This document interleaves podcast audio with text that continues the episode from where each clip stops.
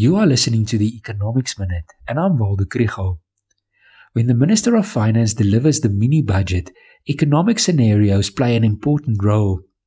If the economy grows, he gets more tax revenue, and all the important ratios, such as the budget deficit to GDP and the debt to GDP, look better.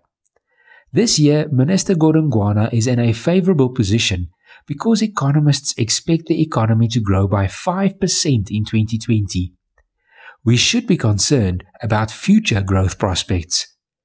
Unfortunately, it seems that the fastest growth is now behind us. High frequency leading indicators point to a slowdown in growth.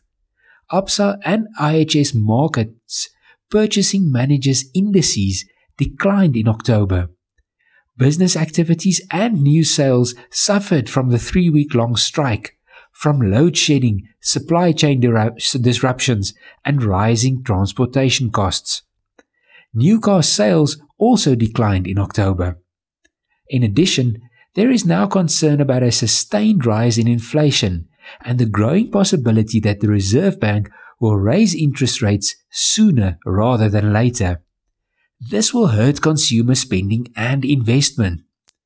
The IMF and Reserve Bank expect economic growth just above or just below 2% in 2022. The IMF predicts only 1.3% growth for 2023 through to 26. That is simply too low. And also why it is important for the minister to explain on Thursday what will be done to accelerate reform.